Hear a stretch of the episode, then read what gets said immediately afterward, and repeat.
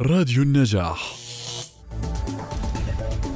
تنظم مؤسسة ذهب انترناشونال ورشة عمل مجانية بعنوان برمجة ألعاب الهواتف الذكية المتعلقة بعلم الحاسوب والبرمجة والتكنولوجيا حيث تعتبر البرمجة الخطوة التطبيقية والعنصر الأساسي في عملية تصميم الألعاب حيث لا يمكن الحصول على أي نوع من الألعاب دون البرمجة.